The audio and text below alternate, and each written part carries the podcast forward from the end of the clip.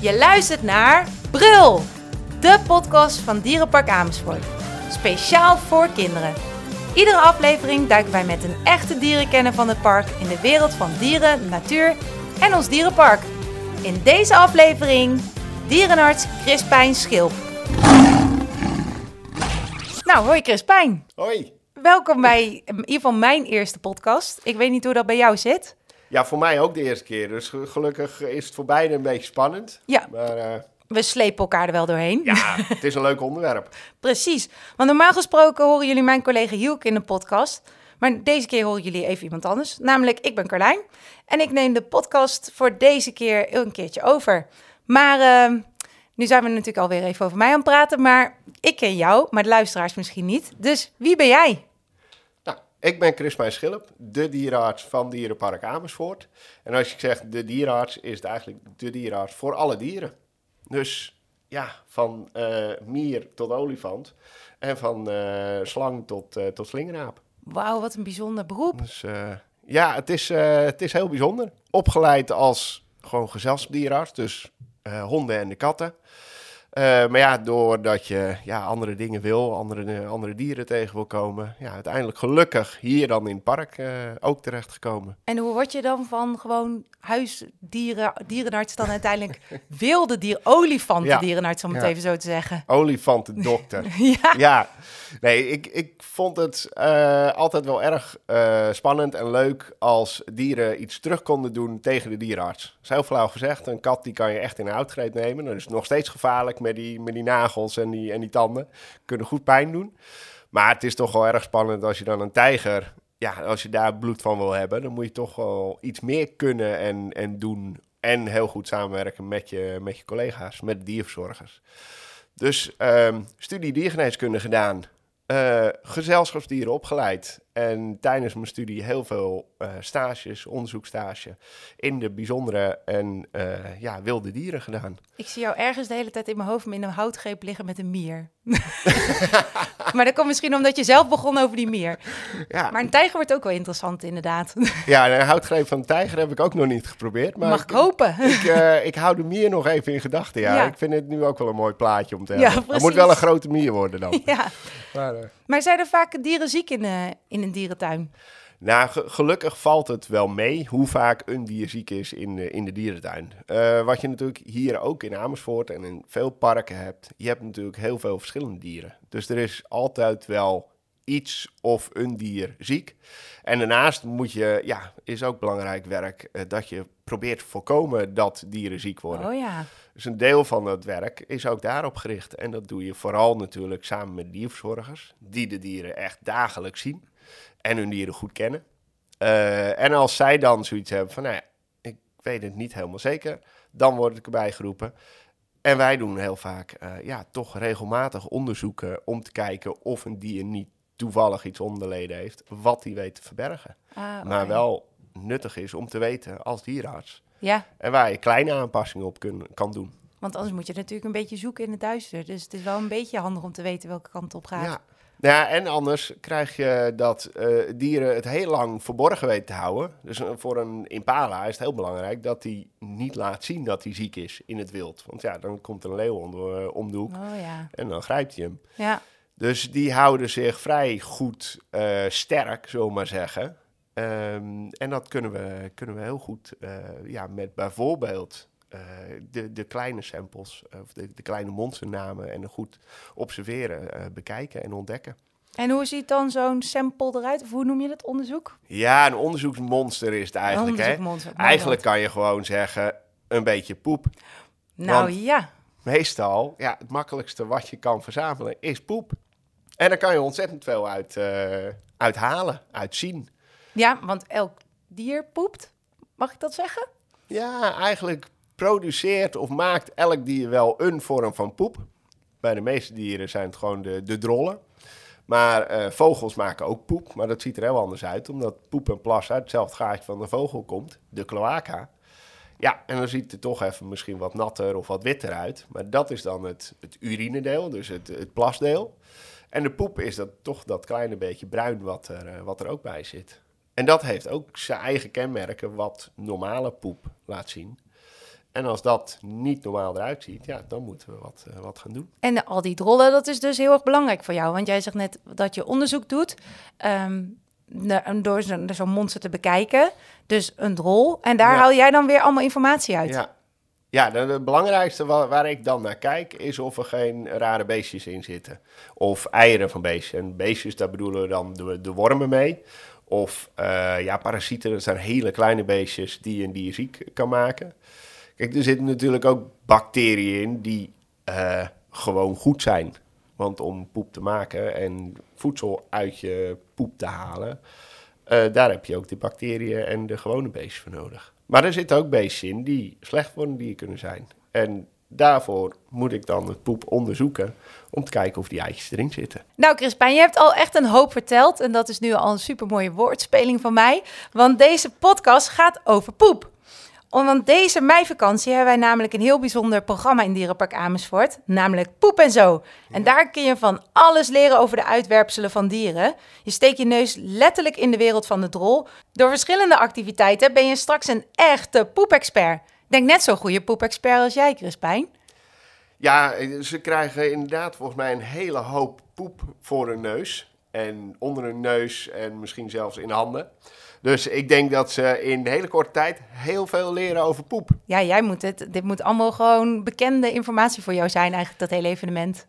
Ja, ja, het is voor mij ook de eerste keer poepen en zo. Want ik ben in september hier eh, natuurlijk gestart als dierenarts. Ehm, maar toen ik erover hoorde, ik kende het natuurlijk wel. Ja. Dus ik keek er ook als dierenarts toch ook wel naar uit. Want ja, het is gewoon leuk om over poep te praten. Je Je kijkt gewoon uit naar poep. Ja, ik kijk gewoon uit naar poep. Vind Dus, je, vind je poep dan nooit vies?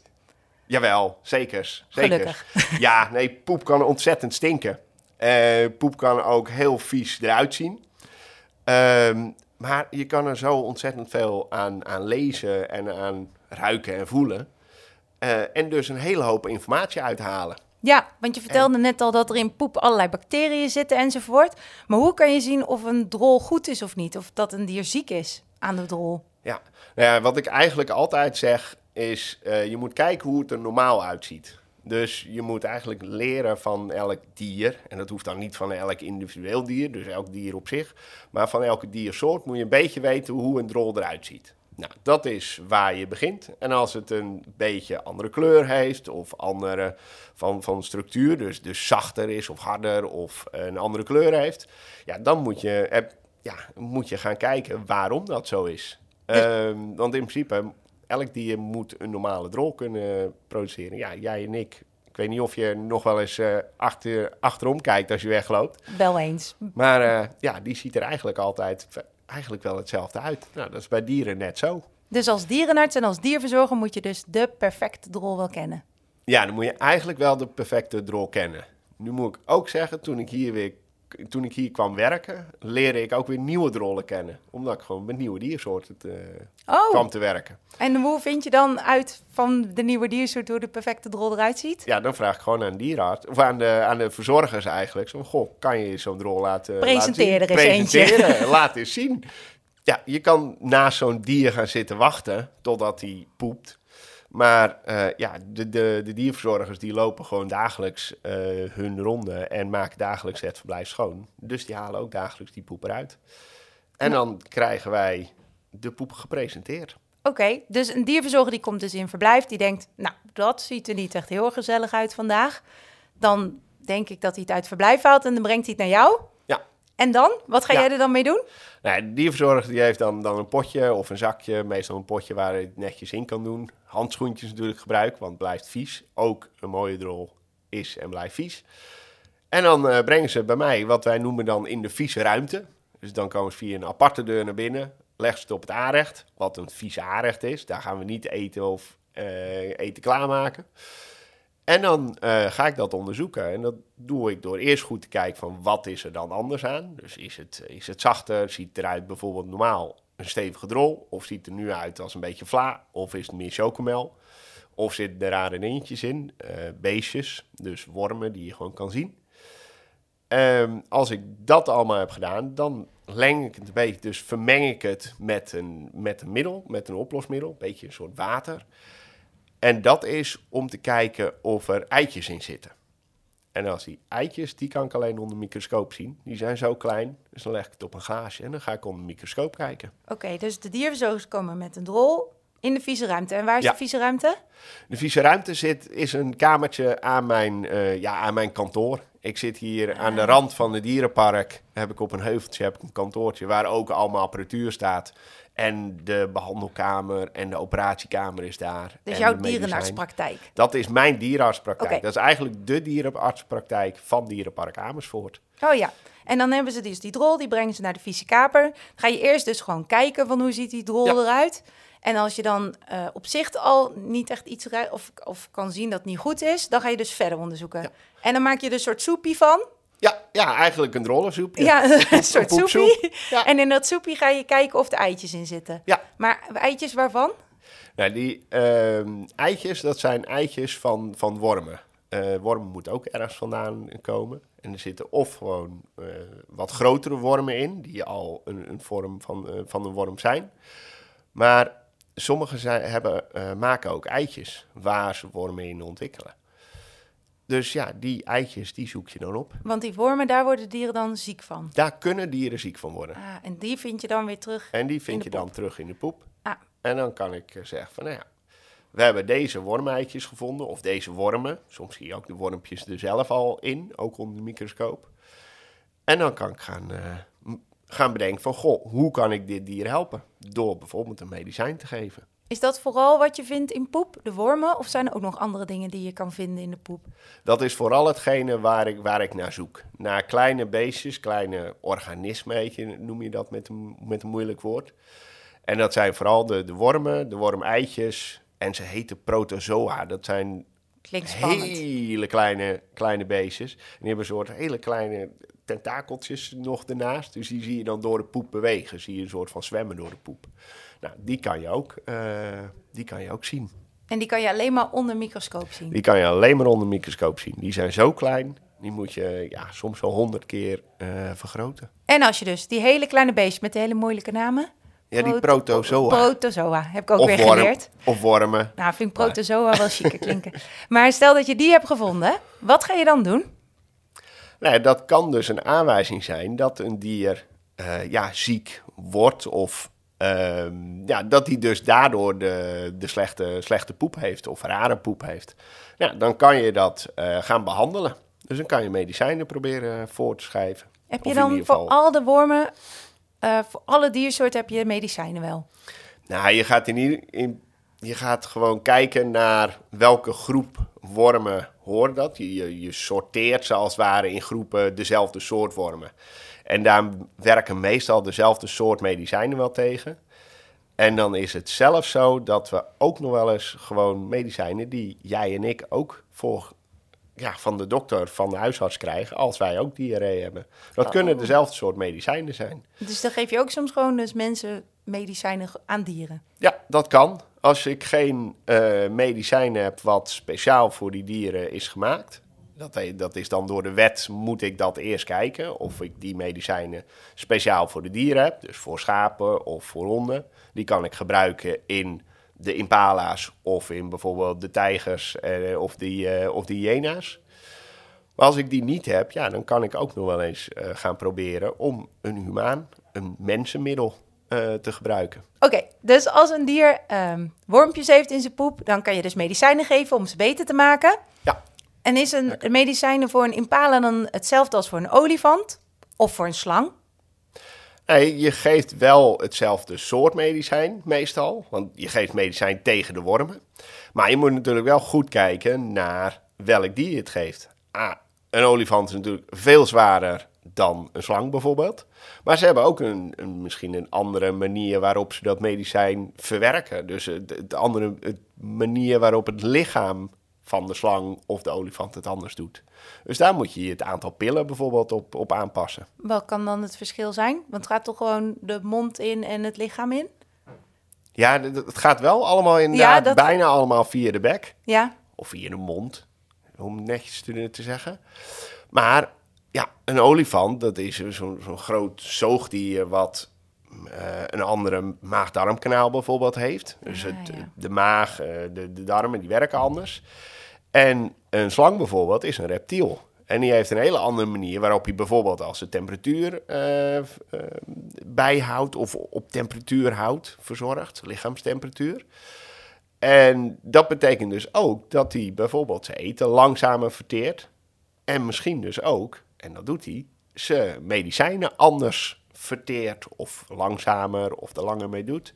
Ja, dan moet ik wel het aantal pillen voor, uh, voor aanpassen. Ja, maar jij moet dus echt heel veel weten over al die dieren. Dus hoe, wat, hoe medicijnen, hoeveel, uh, hoe ze het opnemen. Hoe weet je dat allemaal? Ja, dan moet je als dierenarts inderdaad heel veel weten en onthouden. Nou, en gelukkig hebben we ook heel veel boeken en uh, ja, collega's die nog weer specifiek van, van bijvoorbeeld reptielen heel veel weten. Maar heel veel zoek ik op uh, voor medicijnen vaak wel even nog in een boek. Of weet ik, omdat ik het wel vaker gebruik, weet ik ondertussen de, de hoeveelheden wel uit mijn hoofd. Wel wat je moet pakken. Ja, dan weet ik in ieder geval wat ik moet pakken. En misschien moet ik nog even nakijken van, goh, hoe was het ook weer bij een slang? Hoeveel geven we dan? En hoeveel is het bijvoorbeeld bij, bij een impala? Oké. Of welk medicijn kan ik daar wel bij gebruiken en welke niet? Ja. Dat kan ook wel eens verschillen. Oh ja. Want we hebben nu elke keer over een drol die nou niet zo heel lekker eruit ziet. Maar kijk je ook wel eens naar die perfecte drol? Ja, die perfecte drol is ook nog steeds belangrijk om te zien. En het is natuurlijk leuker om de perfecte drol te hebben. Ja, want dat betekent dat die gewoon gezond is, over het algemeen. En waarom kijk je dan naar de perfecte drol? Omdat ik toch nog wil weten of die beestjes erin zitten en hoeveel er dan in zitten. Want de hoeveelheid beestjes uh, is soms ja, niet, als er niet zo heel veel van die wormeitjes in zitten, dan is het soms niet zo heel erg. Maar dan is het wel goed om te weten hoe dat door een jaar heen, hoe zich dat ontwikkelt. En dus goed de gezondheid van een dier in de gaten houden. Oké. Dus de dierverzorgers pakken ook nog wel eens gewoon een, uh, ja, een drolletje op, stoppen het in het potje en brengen het ook naar die vieze ruimte. En daar doe ik dan hetzelfde mee. Want je zegt nu elke keer een drol oppakken, maar je begon heel je verhaal over die vogelflats. Ja. Hoe doe je dat dan? Want dat, ja, je zei natuurlijk, je hebt die zwarte kleine stukjes erin. Ja. Ga je die dan alleen bekijken? Of wat gebruik je dan?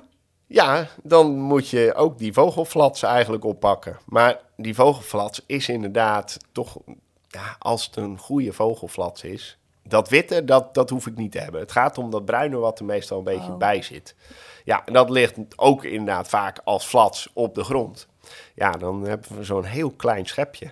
En dan kunnen ze het mooi dan- van de grond afschrapen. Kijk, En dan vraag ik nog aan dierverzorgers: neem nou niet al dat zand wat eronder zit ook nog mee. Want die wormpjes kunnen ook gewoon in het zand zitten of die eitjes. Ja, en dan ga ik straks een vogel eh, onterecht met pillen of met een injectie of eh, vangen omdat ik denk dat hij die wormen in zich heeft. Ja. Terwijl ze eigenlijk gewoon vanaf de grond geschept zijn en toevallig met het rolletje meekwamen. ja.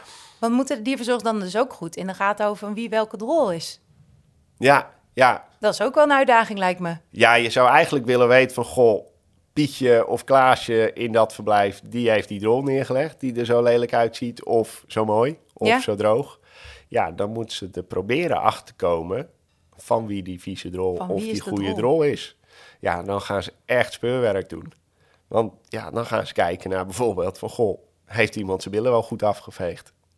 Echt waar? Nee, Oh, ik De- net zeggen. ja, de, de dieren hebben natuurlijk geen wc-papier naast hun, eh, naast hun verblijf staan of, of op de grond liggen. Dus die vegen in principe hun, hun billen nooit af. Ja, Die poepen gewoon zo netjes dat het allemaal schoon blijft. ja. En als hij dus wel een vieze kont heeft, dat betekent dat die de slechte poep heeft. Dus die aan de diarree. Oh, kijk. Dus die heeft eigenlijk niet een remspoor in zijn onderbroek, maar die heeft een remspoor op zijn kont zitten eigenlijk. Aha, dus dat geeft zelfs wel informatie. Dat geeft zelf al informatie. Nou, je moet toch wel gekke dingen in de gaten houden als dierverzorger. Ja, ja, het is niet alleen maar voer Nee, geven en zorgen dat het ze water door. drinken. Het is toch wel... eh, Ook billen kijken. ja, Ja, want billen ik weet nog wel, toen we hier begonnen over de podcast over poep... Je zei net al, heel- je kan er heel veel over vertellen, maar toen zei je... Ik wil mijn meest bijzondere poepverhaal vertellen. Die moet ik vertellen. En ik zit nu al een tijdje te praten en ik, eh, ik denk toch... Ik wil het weten. Ja, mijn, mijn spannendste, of eigenlijk meer mijn, mijn leukste poepverhaal. Het was voor mij heel erg eh, geduld hebben. Want ik heb mijn onderzoekstage, wat ik zei, toen tijdens mijn studie heb ik heel veel met bijzondere dieren proberen te werken. En ik deed onderzoek bij de witte neushoorn. Daarvoor hadden wij zes neushoorns in Afrika lopen. En dan gingen we dan te voet gingen we ze achtervolgen. En een van de taken was dat we mest, dus poep moesten hebben van ze. En we hadden eindelijk een dier wat we al een paar weken niet hadden gezien, hadden we gevonden. We hadden eindelijk spoor, we hadden eindelijk nou, erachteraan gelopen door de bossen heen en toen eindelijk gevonden. Maar we hadden nog geen warme drol gevonden. Dus ja, ze stond rustig te eten en toen zijn we dus op een boomstam gaan zitten. En we zitten wachten. Totdat ze weer in slaap viel.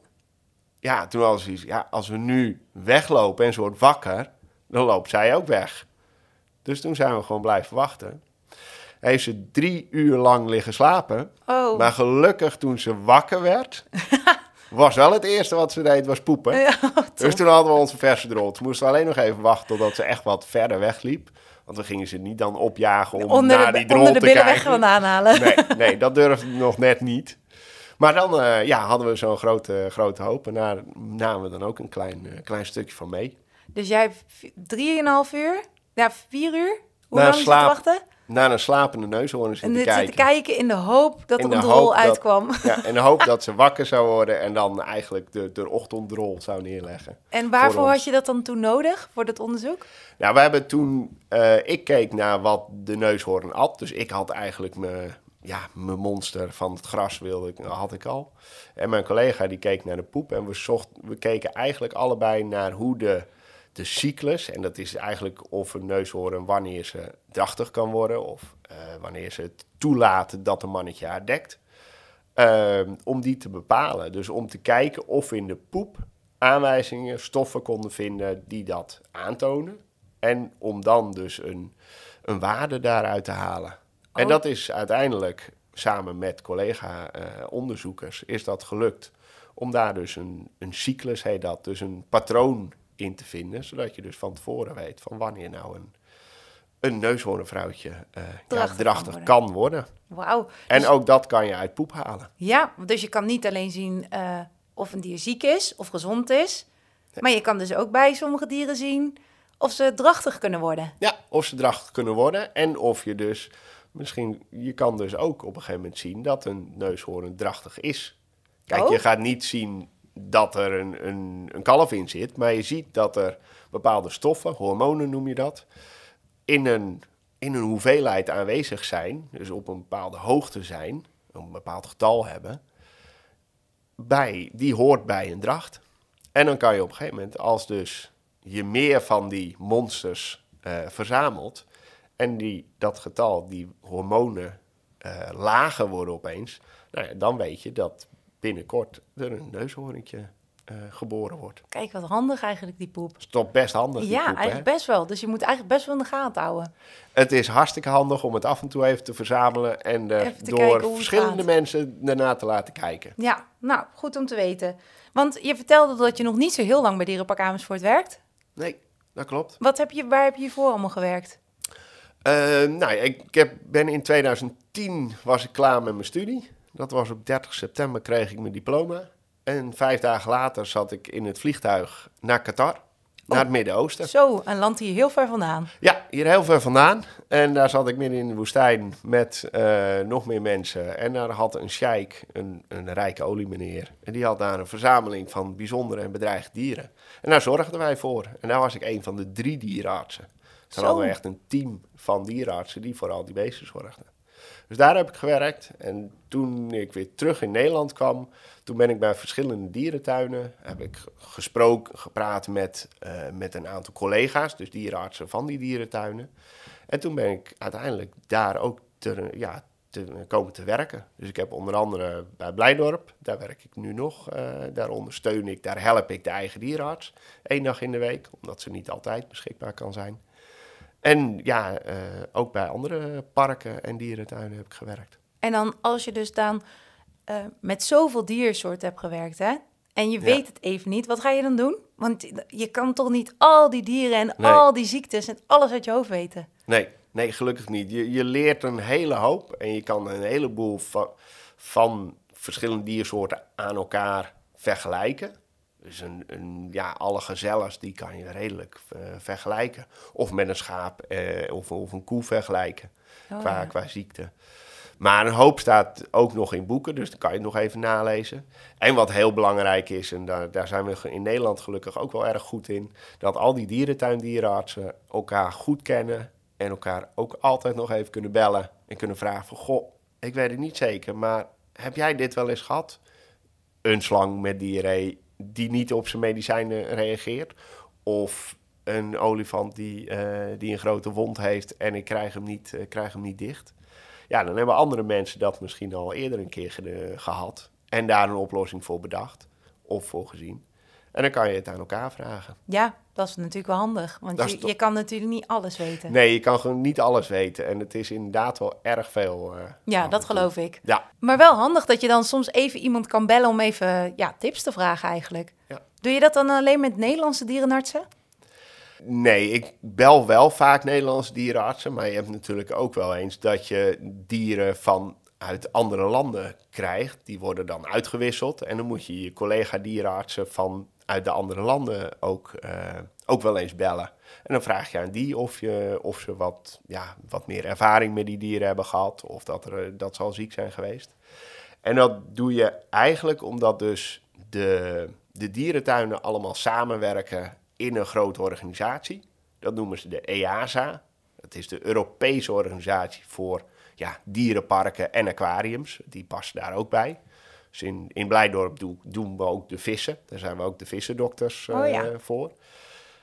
Um, ja, en in de EASA werken dus niet alleen de dierenartsen die samenwerken, maar ook de dierentuinen onderling. Oh, en er wordt natuurlijk ook heel veel kennis uitgewisseld. Ja, dat is natuurlijk wel handig, want ik denk dat je als dierentuin alleen niet allemaal dat kan hebben.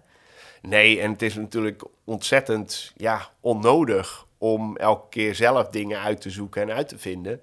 Als andere mensen dat uh, ook al een keer hebben uitgezocht. Ja. En dat kan je dan samenwerken. En dan kan je mee, uh, ja, kan je informatie delen. Ja, want als er dus een dier vanuit hier naar een andere dierentuin gaat, dan laat je dan ook even weten hoe dit met het dier gaat? Of... Nou, wat we ervoor zorgen, en dan komen we ook weer bij poep, maar dan ook bij bloed, of dan voordat een dier deze kant op gaat, of wij een dier naar een andere dierentuin sturen, dan vragen we aan elkaar wat voor onderzoeken, dus wat voor uh, monsters ze willen hebben bekeken. Dus willen we weten of die uh, de dieren willen we weten dat die, de dieren niet ziek zijn. Maar we willen ook weten of ze uh, geen andere dingen hebben gehad. Um, dus daar hebben we dan overleg over. En dan worden, er, ja, worden die onderzoeken worden uitgevoerd.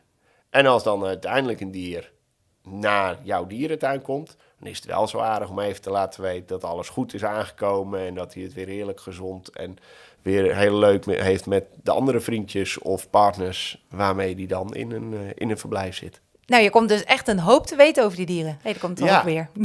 ja, dus je, je komt inderdaad een hele hoop te weten over de, over de dieren... doordat je ook dieren inderdaad verplaatst. Maar ook als de dieren in je, ja, in je park, in je tuin zijn... dan kan je een hoop uh, dingen aflezen. En daardoor leer je een hele hoop over die dieren... wat je, misschien, wat je ook weer kan gebruiken in het wild om bijvoorbeeld de dieren in het wild te beschermen. Doordat je erachter komt Um, wat, ze, ja, wat, wat voor normale bloedwaardes of wat voor normale uh, uh, poep ze hebben, bijvoorbeeld. Ja. Nou, en dan kan je weer uh, informatie gebruiken wat je in het wild kan gebruiken. Ja, want je kan die dieren hier natuurlijk van heel dichtbij bekijken. Van heel dichtbij bekijken, ja. En je leert, leert een hele hoop over het gedrag in de dierentuin dan wel. En wij gebruiken dan ook natuurlijk weer heel veel informatie van mensen die dieren observeren in het wild om ze hier in de dierentuin een zo goed mogelijk verblijf te geven, bijvoorbeeld. Ja. Waardoor je alles, ja, alles werkt met elkaar samen. Kijk. Tussen de dieren, dierenparken en met de, met de onderzoekers en de mensen in het, uh, die in het wild uh, dieren verzorgen of beschermen. Nou, je, hebt dus, uh, je komt dus een hoop te weten over de dieren in de dierentuin en in het wild. Maar ik heb ook een aantal huisdieren. Ik heb vier konijnen en een kat. Um, moet ik ook iets van hun in de gaten houden?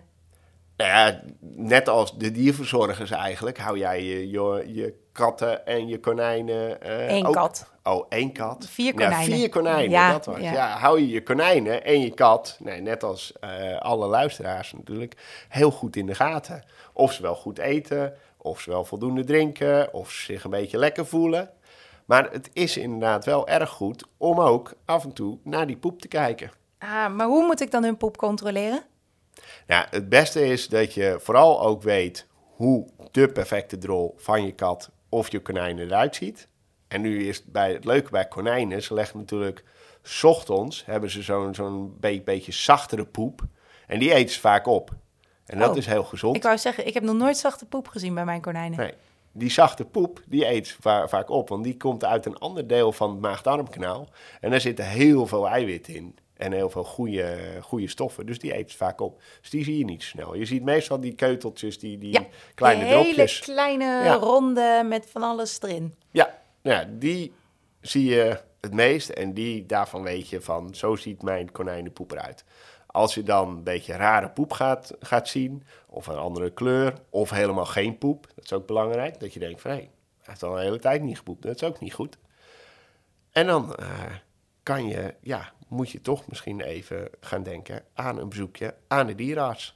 Oké, oké. Nou, dat is goed. Dus ik moet gewoon goed weten hoe de perfecte drol van mijn huisdier er ook De uitziet. perfecte drol van je huisdieren en zie je wat anders. Dus eh, rare flatsen of eh, hele droge keutels of een vieze kont. Dan eh, is het toch misschien even verstandig om even eh, bij de huishouden bij contact op te nemen met je, eh, ja, met je dierendokter. met heb je trouwens eigen ook- dierenarts. Ik heb ook nog vissen. Ja, bij vissen zie je niet zo heel veel poep. Nee, ja, in het filtertje een beetje. Waar, Ja. waar het water doorheen gaat. Ja, Maar die kan ik dus niet zo goed in de gaten houden op de poep. nee, die kan je inderdaad niet zo goed in de vaart. Dat zijn eigenlijk de enige dieren waar ik geen, ja, niet heel vaak of eigenlijk nooit de poep van zie. Nee. Nee. Die, Dus ook eh, in Blijdorp is het niet zo dat ze poep verzamelen van de vissen daar. Nee, ik krijg eigenlijk geen vissenpoep. Hmm. Oké. Dat is toch eigenlijk wel interessant. Ja. Ga ik toch eens even navragen of, of we dat niet een keer kunnen doen. ja, ik ben wel Nee. benieuwd hoe een haaiendrol eruit ziet. Ja, een haaiendrol zal, zal misschien inderdaad wel wat groter zijn. Nee, die, zullen, die gaan we inderdaad niet zo, snel, eh, niet zo snel bekijken. We bekijken wel wat er in het water leeft. Of daar wel bacteriën in zitten. Of over, eh, op de kieuwen. Dus als we dan een vis moeten vangen of hebben gevangen... omdat hij toch een beetje raar gedraagt of er raar eruit ziet... dan halen we meestal die monsters wel uit eh, van andere delen. Ja, ja want Dus van de kieuwen. een vis poept natuurlijk in het water. Dus wat er in het water hangt, dat zegt natuurlijk dan weer wat over Dat de vis. zegt weer wat, eh, wat meer over vis. Dus goed je huisdier in de gaten houden. Goed je huisdier in de gaten houden en goed hun gedrag en hun, eh, en hun kont. En af en toe even naar de drolletjes kijken. En af en toe even naar de drolletjes kijken. Oké, nou we zijn alweer bijna aan het einde gekomen van de podcast. Nou, ik heb echt wel een hoop geleerd. Ik heb, we hebben ook een vaak een hoop gezegd. Ja, dat is inderdaad wel een hoop gezegd. Ja, Ja. precies. Nou, en aan jou als luisteraar wil ik doorgeven... vergeet niet om deze meivakantie langs te komen tijdens Poep en Zo. Want daar leer je alles over de grote boodschap van dieren... en van jezelf, wat ook natuurlijk heel belangrijk is. Want je kan bijvoorbeeld poep pluizen... of je kan op het poeporgel spelen. Ga je ook een liedje spelen op het poeporgel?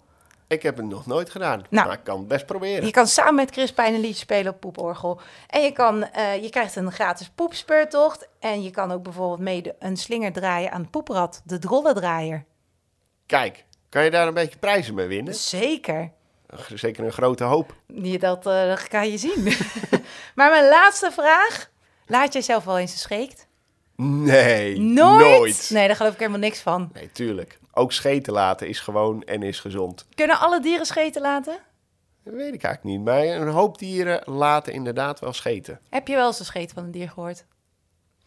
Je hoort ze wel eens van een, eh, bij een koe hoor je ze wel vaker. Maar eh, ik heb ze wel eens geroken bij mijn eigen kat. Oh, ja. Nou, Ja, die ken stinken wel. ook. Die ken je ook als hij zo lekker op, op je schoot ligt. En dan in één keer denkt van, oh, er ruikt hier wat. Ja, nou.